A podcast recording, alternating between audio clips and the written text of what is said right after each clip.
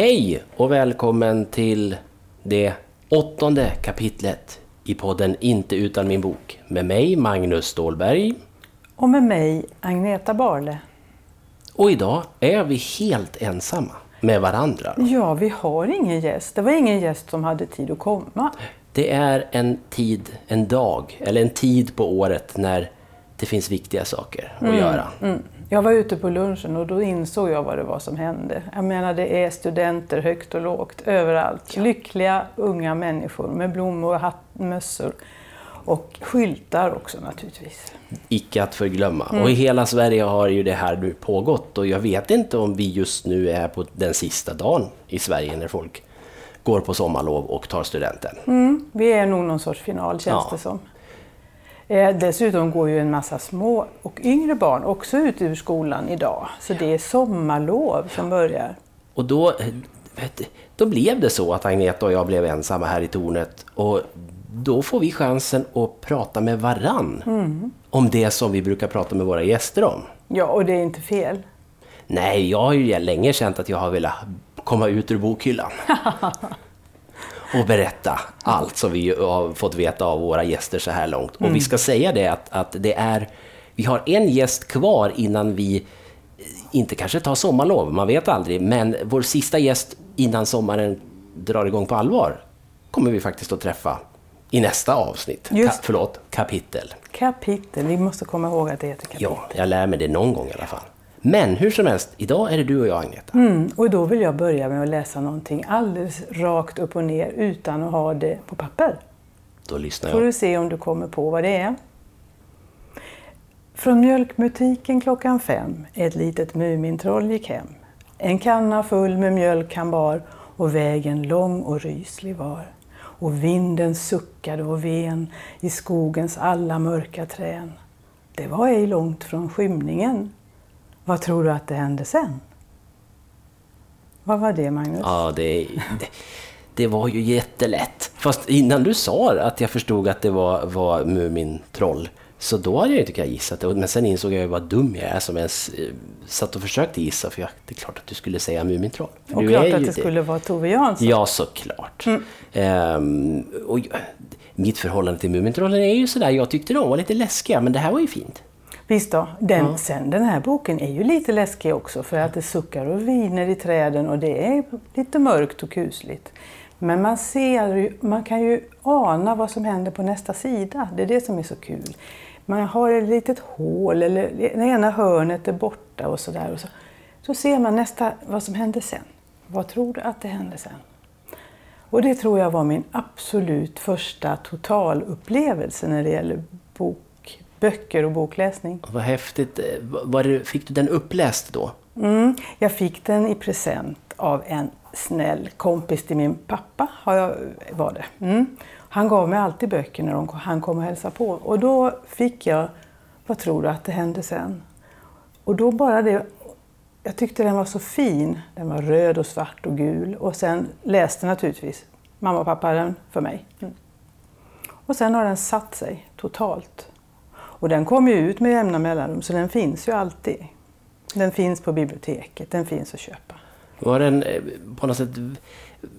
Kanske, du kanske var så liten så du inte ens filosoferade kring det, men kan, var det då du kände att du hade mycket fantasi? Alltså satte det där igång att du började berätt, berätta, hitta på? Kanske, kanske att det var så. Jag tror nästan att det var så. Det låter ju så som att, för det skulle jag ju, jag har ju haft sån där fantasi jämt och jag kände direkt att, jag, jag är hemskt osäker på på vad jag har, alltså Mumintroll för mig, för jag tyckte, tyckte det, de tyckte de var, ja, det var något, jag hade några sådana här olika saker när jag var liten som inte var eh, roliga och som andra tyckte var jättekul, och som inte alls förstod det här med. Jag var hemskt rädd för Kapten Zoom också på TV, kommer jag ihåg. Anders Linder spelade Kapten Zoom. Ja, varför då? Var han... Helt obegripligt. Eh, Men det var något. Jag vet inte om det bara var dramatiken i det då som slog an. Jag har ingen aning. Nej. Jag var inte så speciellt gammal. Så var det det första lite läskiga jag såg, Mm. om det nu var läskigt. Jag vet inte. Men hur som helst, Mumintrollen. Jag, jag tycker det är så kul. Du har ju en sån enorm kärlek till Tove Janssons figurer. Mm. Eh, och det är det ju många som har. Så det tycker jag i sig är fascinerande. Du kan ju allt om dem och jag kan verkligen inte någonting. Det är så fånigt, det är ett sånt där ämne jag skulle kunna ställa upp i om det skulle vara så. Men det är väl kunskap som väger väldigt lätt kan jag säga. Ja, men här, inte här i gamla brandstationstornet. Då är all sån här kunskap om böcker och liksom ord och berättelser, det tycker jag väger väldigt tungt. Men du Magnus då? Har du, nå- när, när, har du någon bok som du minns när du var liten? Jag tror att, att det jag vet är ju att jag lärde mig läsa väldigt tidigt. Har jag förstått. Jag var inte mer än fyra år ungefär när jag började läsa. Exakt vad jag läste och hur avancerat det var, men jag, jag kunde ta, ta till mig saker. Så sen var väl inte... Jag tror... Jo, men alltså det jag minns är att, att eh, vi började prenumerera på Kalle Ankas bokklubb. Ja. Och det, Ja, de just tror jag jag läste väldigt ihärdigt. Det jag vet är att i ungefär samma veva så började vi prenumer- prenumerera även på Kalle Anka och Company. ja men naturligt. Så jag gick in i läsning väldigt mycket via serietidningar. Det vill jag påstå att det gjorde jag också. Jag har också Kalanka som min grund att stå på. Alltså. Och jag har en liten hang-up där, för jag kan ju inte kasta dem. Så jag har ju lådavis i källaren med Kalanka sen, min, ja, sen jag var liten. Det, är ju, det ligger lite pengar där då. Det gör kanske det. Ja. Ja, jag har också kvar, jag har tyvärr råkat ut för en översvämning i den källare där jag förvarar mina serietidningar. Så mycket av det försvann faktiskt för fem sex år sedan. Och det var ju tråkigt. Jag har kvar, eh, men inte så många. Nej. Jag tror inte de var värdefulla rent ekon- så, men, men de hade ju ett värde för mig naturligtvis. Så. Förresten, var det stora bokstäver de skrev med? I Bamse vet jag att det är stora bokstäver. Jo, jag tror att generellt i serietidningar så, så är det bara versaler. Jag, jag vet att jag tyckte det var fel när det var med stora och små bokstäver. Som jag Ja, men då var det säkert så. Men det, ja, det tror jag är standard. Det är ju lite, vi kommer ju till det här eh, hatkärlek, eller mest hatade teckensnittet Comic Sans är ju ett sånt där som funkar som serietidnings... Det är inte riktigt det vi ser i serietidningar, men det brukar vara versaler. Så, men, men böcker sen, för mig kom boken lite... Ja, sen var det ju, det måste jag ju nämna, eh, de här små böckerna, Pixie-böcker. Ja, som finns fortfarande. Ja, precis. Och där fi- finns det en, en speciell bok. Eh, Viktor bygger en bro. Av Janne Lööf. Janne Lööf. Ja, och, och han har, det är lite intressant. För jag var rädd för Mumintroll och, eh, och Kapten Zoom. Ja. Eh, Men eh, Jan Löv har jag aldrig varit rädd för. Men det vet jag många barn som är. Jag har köpt böcker till barn som har tyckt de har varit läskiga. De har Mm. inte alls tyckt det varit kul när jag har läst i dem. För jag tänker födelsedagspresenten som också var en pixiebok, det handlar ju om en drake egentligen. Ja, som var, kunde vara lite läskig. Och så, han hade ju karaktär, eller har karaktärer, de har ju drag som är lite speciella. Så jag förstår att man, men jag blev inte det. Och jag, just den här Viktor bygger en bro var, den tror jag präglat mig mer nästan än något annat som jag har läst. Därför att hela den historien handlar ju om Viktor som, ska vi se om jag minns det rätt, men han flyttar ju från stad och larm till en ö. Därför att han vill vara i fred.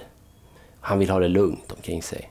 Var han en pojke eller var han en han var vuxen? en gubbe, typ då, skulle man säga. I alla fall för, för mig då som var fyra, fem år. Ehm, men sen kommer det ju en... Sen, undrar om inte han bygger en bro. Det är det, eftersom boken heter, jag tror att det är så, det borde jag ju veta, men jag kom, det var så länge sedan jag läste den. Men han bygger, och då börjar det ju kunna komma folk till honom. Och sen blir det ju så att den här lilla ön blir ju till slut helt överväxt med skyskrapor. Alltså det ballar ur kan Ja. man säga.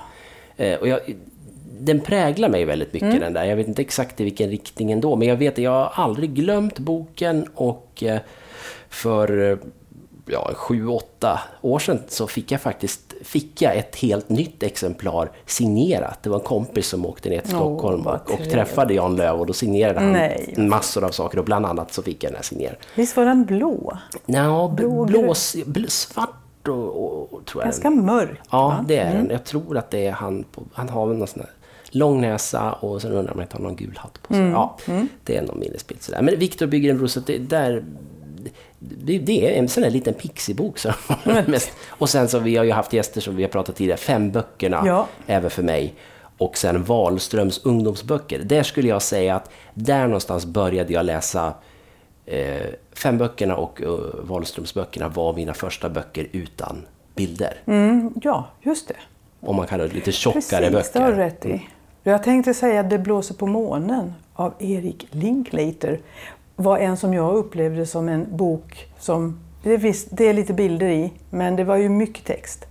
Och eh, den vet jag att jag konkade mig igenom själv och var väldigt stolt över det sen. Men när du säger det här med inga bilder alls, då är det ju liksom efter Enid Blyton så är det liksom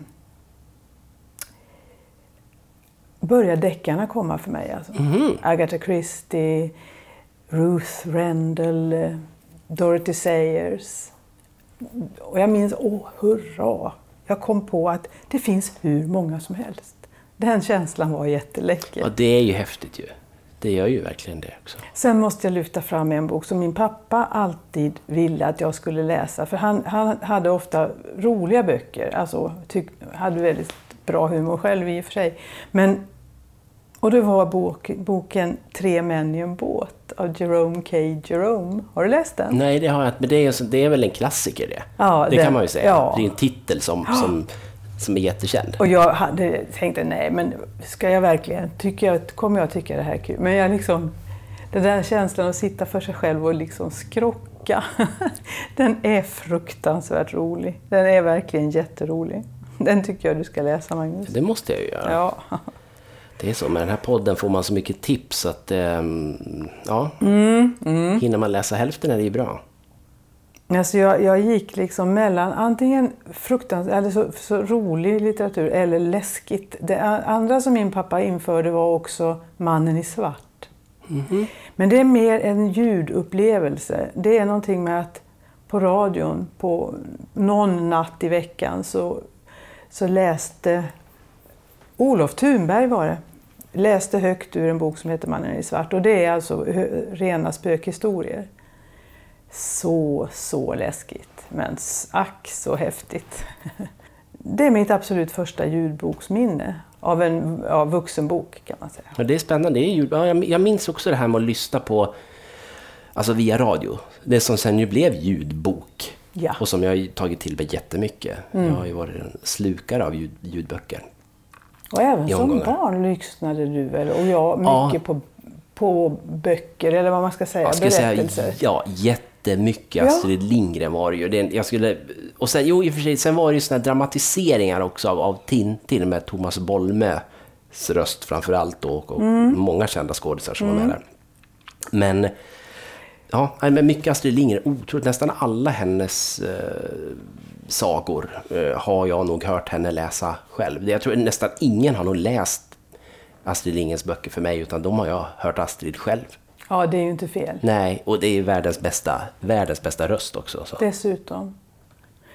Eh, när du är inne på det så en ljudupplevelse som, men det var nog mina söner som lyssnade på den. Det var på sommarmorgon så fanns det eh, en, eh, jo den heter Tordyveln Ja. flyger i skymningen. Mm.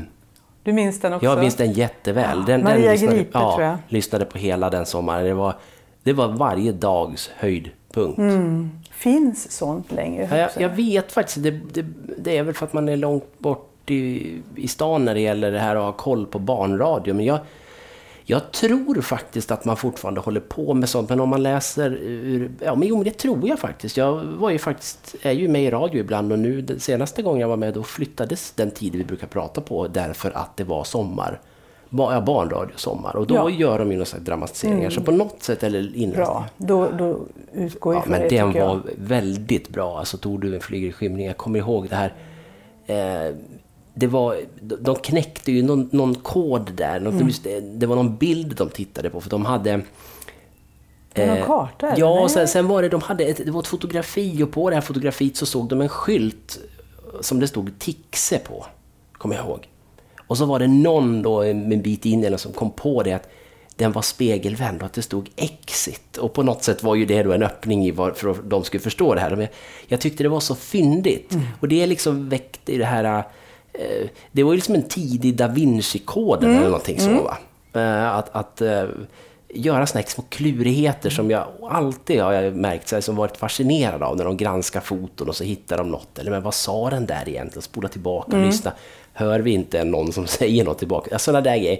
Jag tyckte det var så raffinerat och framförallt så fyndigt påhittat. Sen efteråt kom jag ju på att det blir ju konstigt tixer. Det var ju blir spegelvänt även bokstäver då. då. Förvisso ja, ja. är det bara e som blir fel, men det, det borde de ju ha kommit på på en gång kan jag tycka.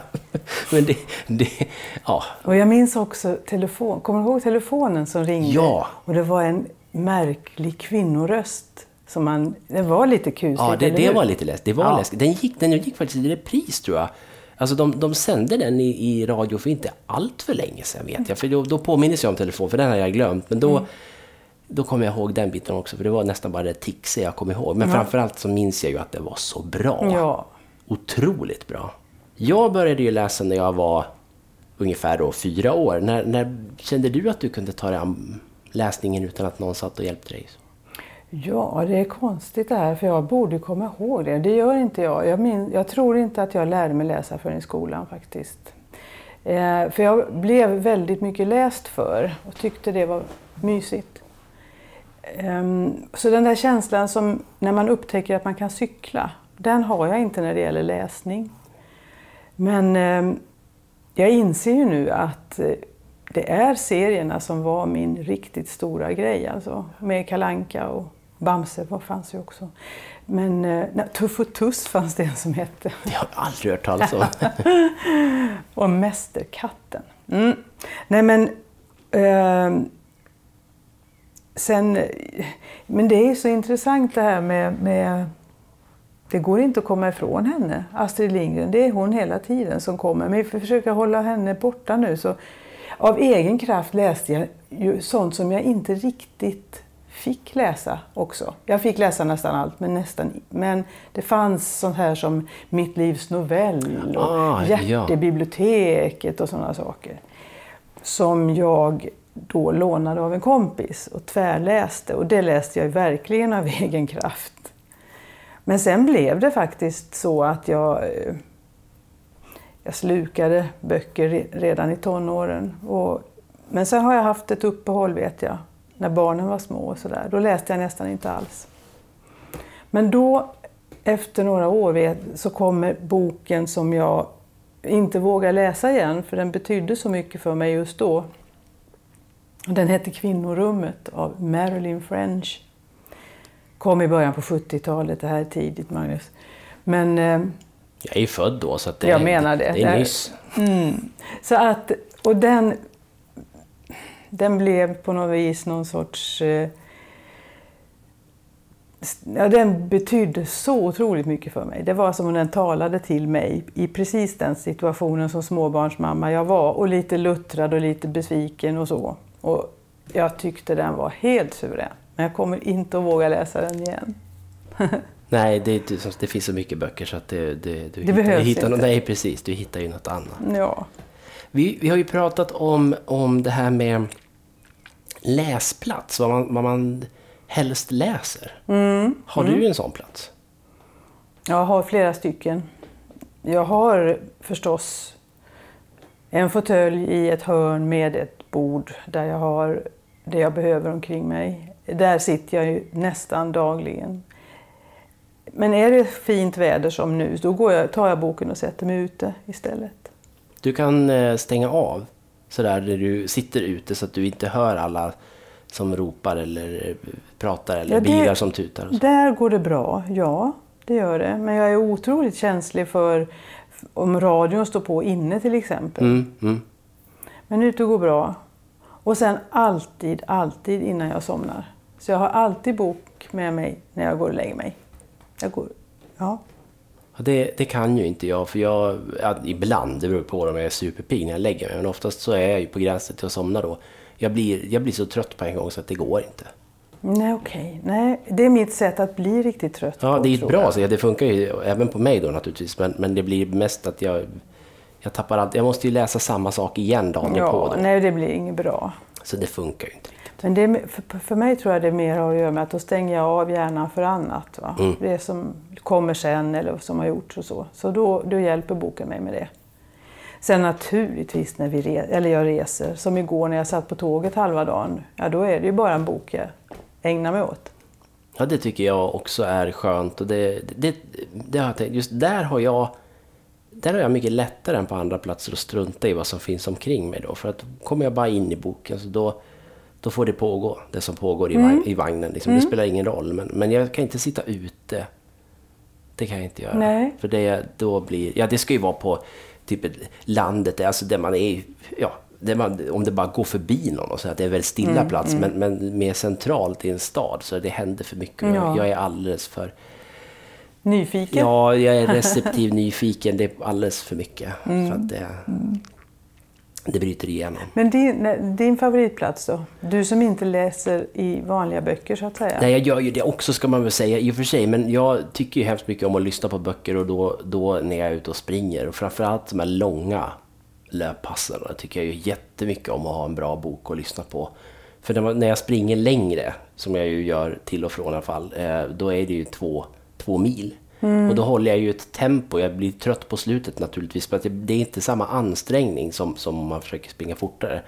Eh, för blir man för trött så då lyckas jag inte riktigt fokusera nej, på vad som nej. sägs. Men, men annars så, så funkar det jättebra. Sen, har du ganska högt på det? Nej, det skulle jag inte säga att jag har. Det behövs inte. Det är ju, jag springer inte där det finns. Jag försöker hitta jag skogs, inte stigar, men alltså skogsvägar och mm. sånt. Alltså det, det, mm. De slingor jag har det är ganska tyst, så det är ingen, ingen riktig fara. så. Uh, Sen, sen är jag ju förhållandevis nyss flyttad, så jag har inte riktigt hittat hemma där vi bor nu någon, någon sån plats som jag sätter mig i. Jag, jag landar nog i soffan och sådär, det gör jag nog. Mm. Uh, men, ehm, och sen är jag inne i en period just nu då som, som, som fotograf är jag ju, gillar jag ju jättemycket bilder och sen har jag nu en väldig massa fotoböcker som jag köpt på mig under det senaste året som jag inte ens har tagit av plasten på. Så I väntan på att hitta en bra yta för det. Så det är jag just nu helt uppfylld med att i, i, vår, i salongen som vi kallar det för, så, så där på bordet som ett stort vitt bord, där vill jag kunna lägga upp dem och bara se till att vi får en, bra lamp, en riktigt bra lampa i taket som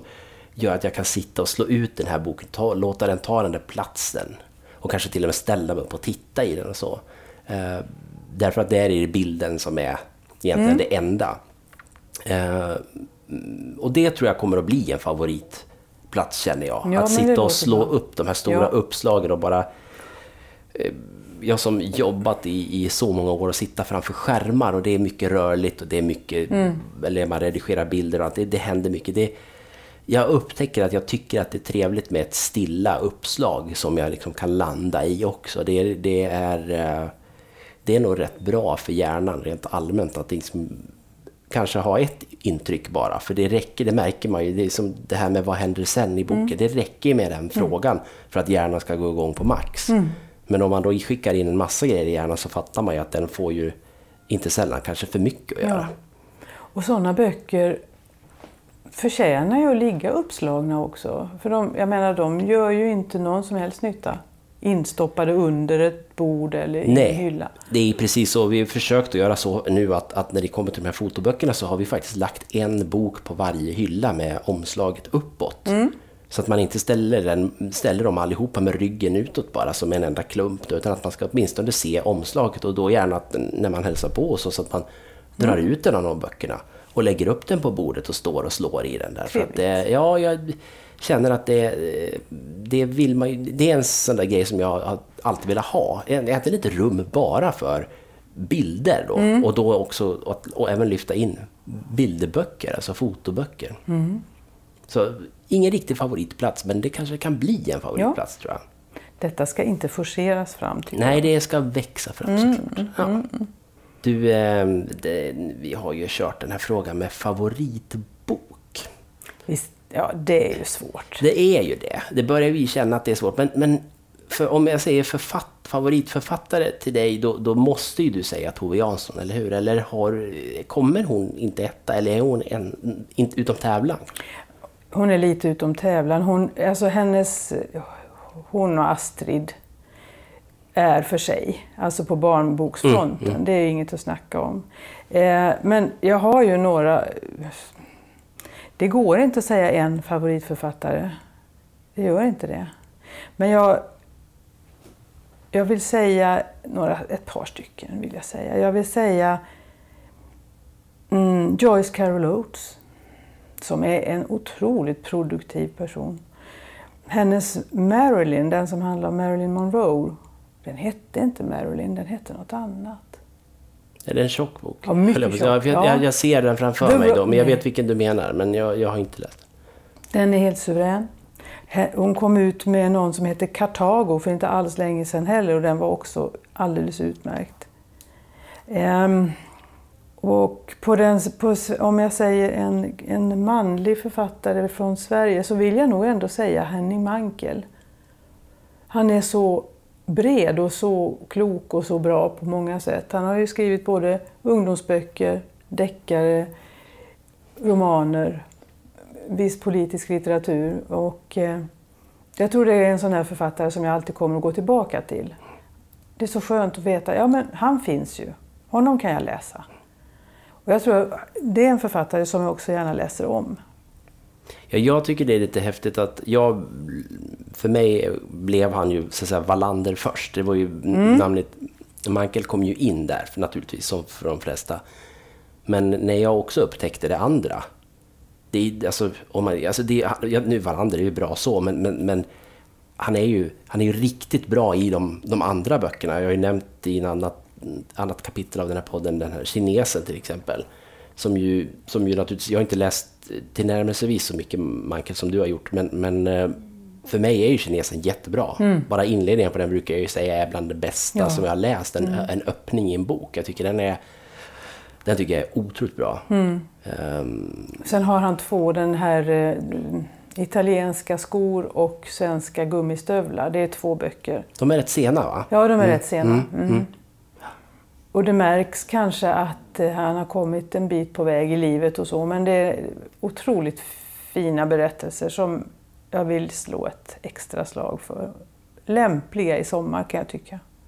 Ja, men det vill man ju ha. Något sånt där som man kan... Och det är ju, har man lite tur så, så hittar man ju eh, böcker nu i någon sån här korg eh, på något ställe. Och eller då, på Röda Korset eller var som ja, men helst. precis.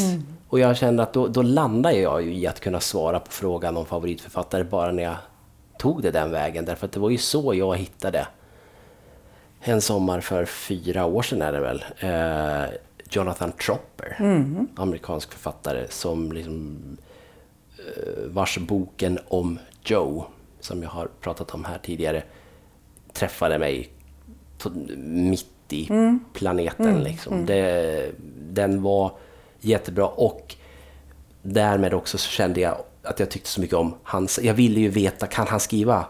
Så att det inte bara var liksom historien, utan det, för, och det kan han. Han har ju en, en, Vet du någonting om hur mycket han har skrivit? han, jag har inte superkoll, men han, han, kan han ligga på sju, åtta böcker kanske? Eh, något sånt. Eh, jag har väldigt dålig koll på om han har släppt, släppt något precis nyss. Men han har ju liksom den Sju jävligt långa dagar finns det ju en bok som heter. Och eh, ja, jag borde ju komma ihåg flera av dem. Men, men, eh, han och jag är väl i sig ungefär lika gamla och jag tror att eh, delvis, det har jag också nämnt tidigare, så är, är det en anledning till att jag tycker så mycket om honom. Därför att han, han träffar väldigt mycket i mig som är så säga, samtida och så. Men plus att han har ett... Han är... Han har väldigt mycket humor och allvar i en... Det där säger man ju ofta att många kan säga att det kastas mellan humor och allvar på ett fiffigt sätt sådär. Men jag tycker att han gör det på ett lite annorlunda sätt. I alla fall utav sånt som jag har läst. Så, Svårt att sätta fingret på, men läser man så, så märker man det rätt snabbt. Att det är en ganska sofistikerad låt som att värdera humor, men alltså det är en väldigt eh, intelligent humor med alltså någon slags själ också. Det inte torrt fast det är väldigt eh, klipskt sådär då.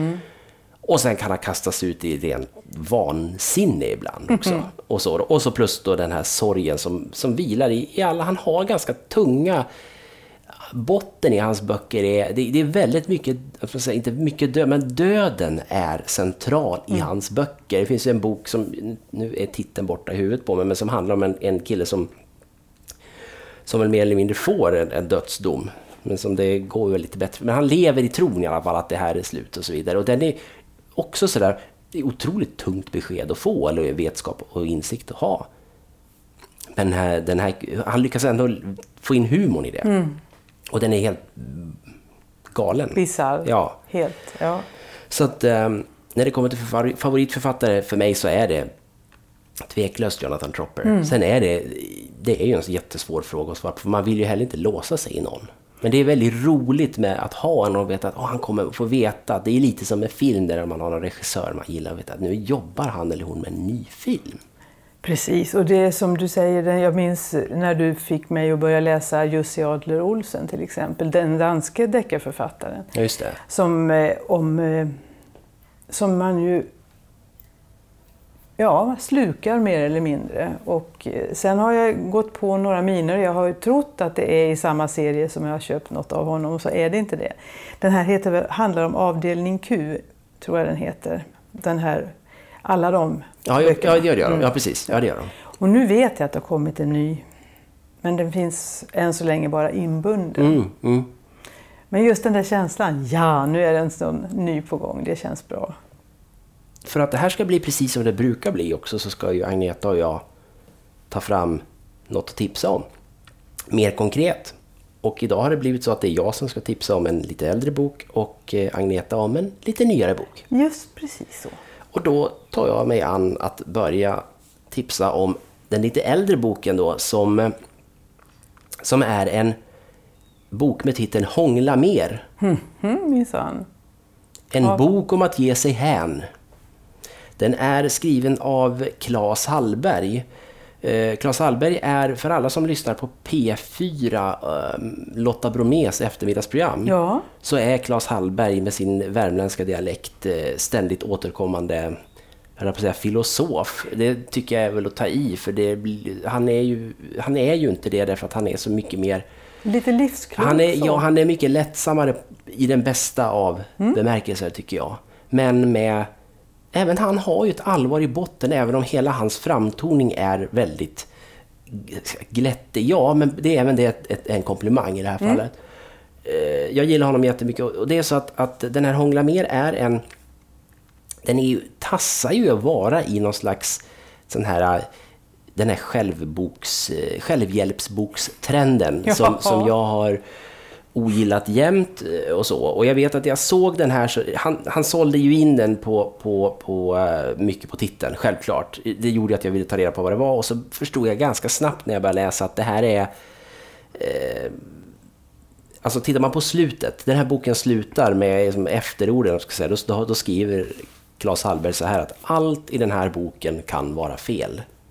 Så han tar tillbaka Ja, alltihop. och det sammanfattar så bra, för det är ingen pekpinnebok. Det är mer en bok som, som, som ger... Alltså som ger en massa bra... Ska jag säga, alltså kommer med insikter, tankar... eh,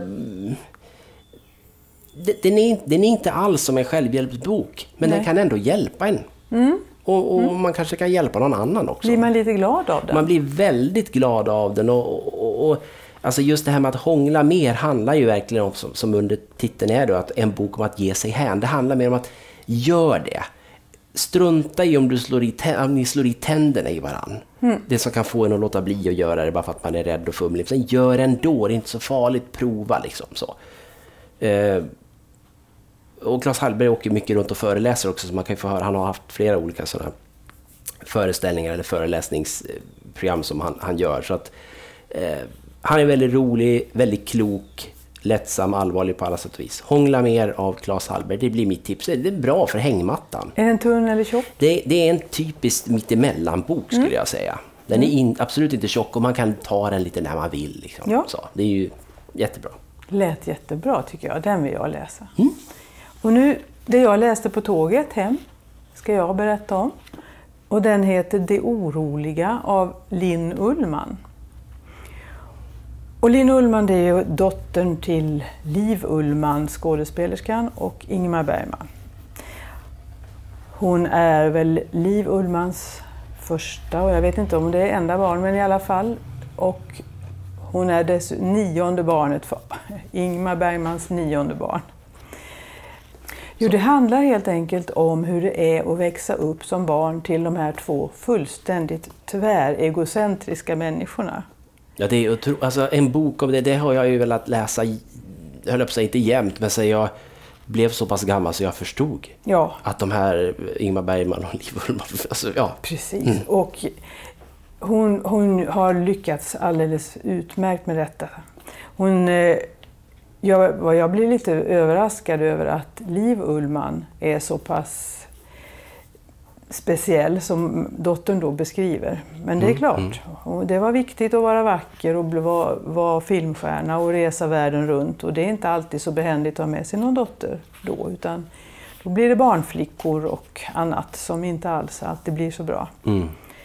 Eh, mycket av boken baserar sig på att hennes då åldrade fader, för han är ju 48 år när hon kommer, så att han är i 80-årsåldern när de bestämmer sig för att hon ska, hon ska spela in honom och de ska ha ett samtal med varandra. Och planen är att de ska dokumentera hans åldrande i en bok och den ska de skriva tillsammans.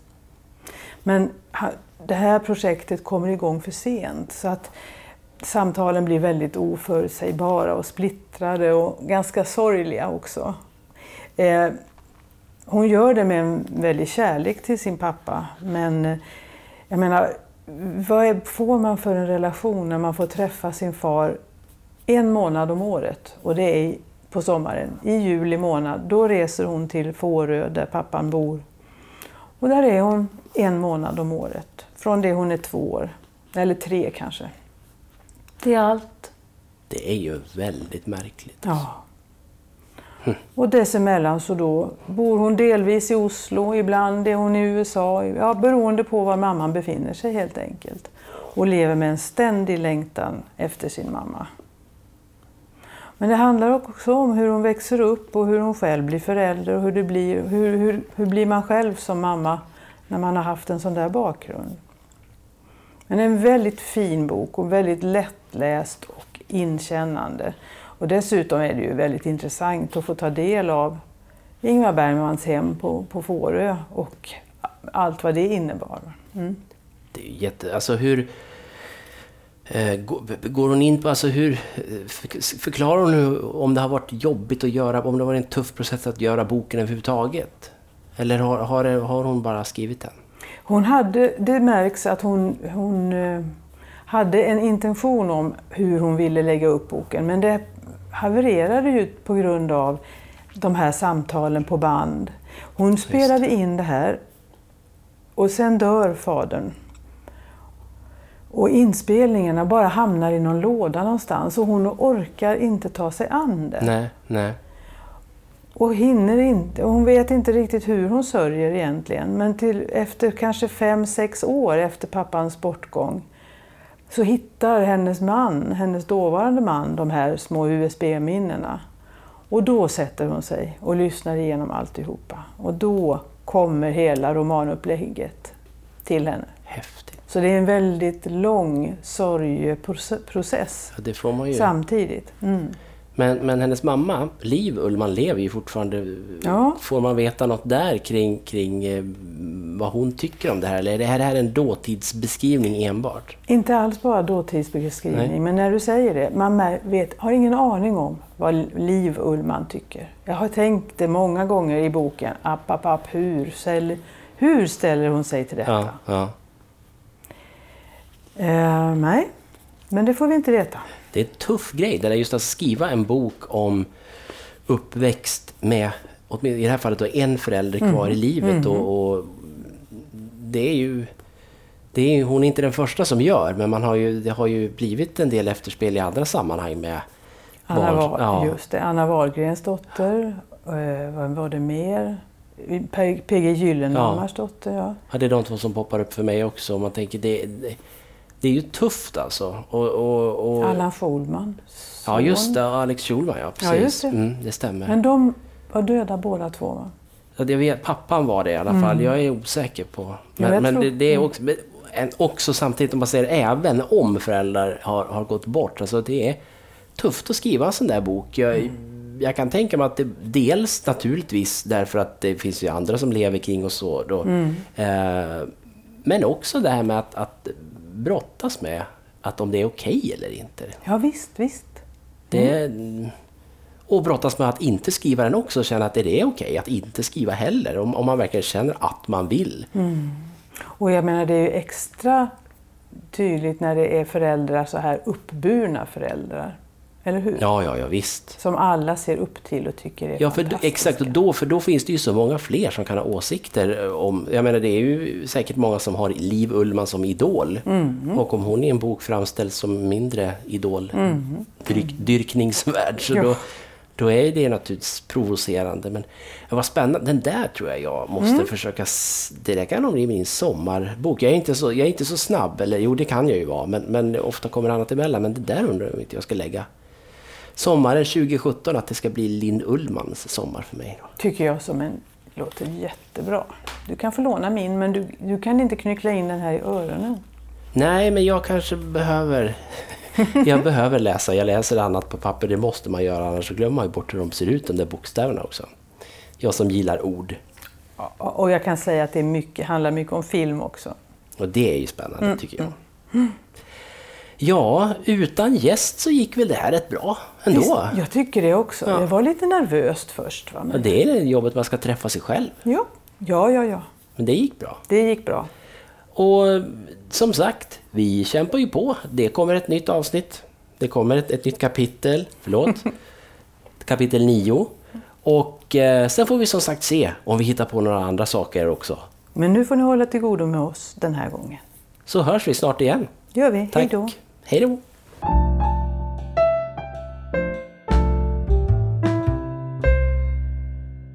Du har lyssnat på ett avsnitt av podden Inte utan min bok som produceras av Magnus Stålberg och Agneta Barle. Mer information om avsnitten hittar du på skrattpiller.se inte utan min bok. Vi finns också på Facebook där vi heter Inte utan min bok och på Twitter också. Även där heter vi Inte utan min bok. Tack för att du lyssnade!